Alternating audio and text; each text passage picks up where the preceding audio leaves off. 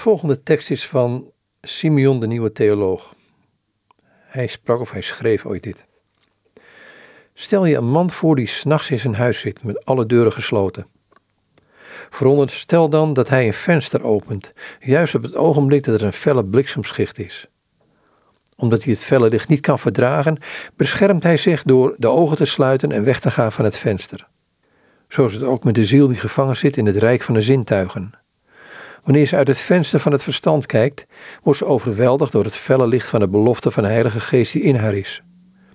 Onmachtig de schittering van het onverhulde licht te verdragen, wordt haar verstand terstond in verwarring gebracht en trekt zij zich volledig in zichzelf terug. Zij zoekt bescherming, als in een huis, tussen zintuigelijke en menselijke dingen. Aldus Simeon, de nieuwe theoloog.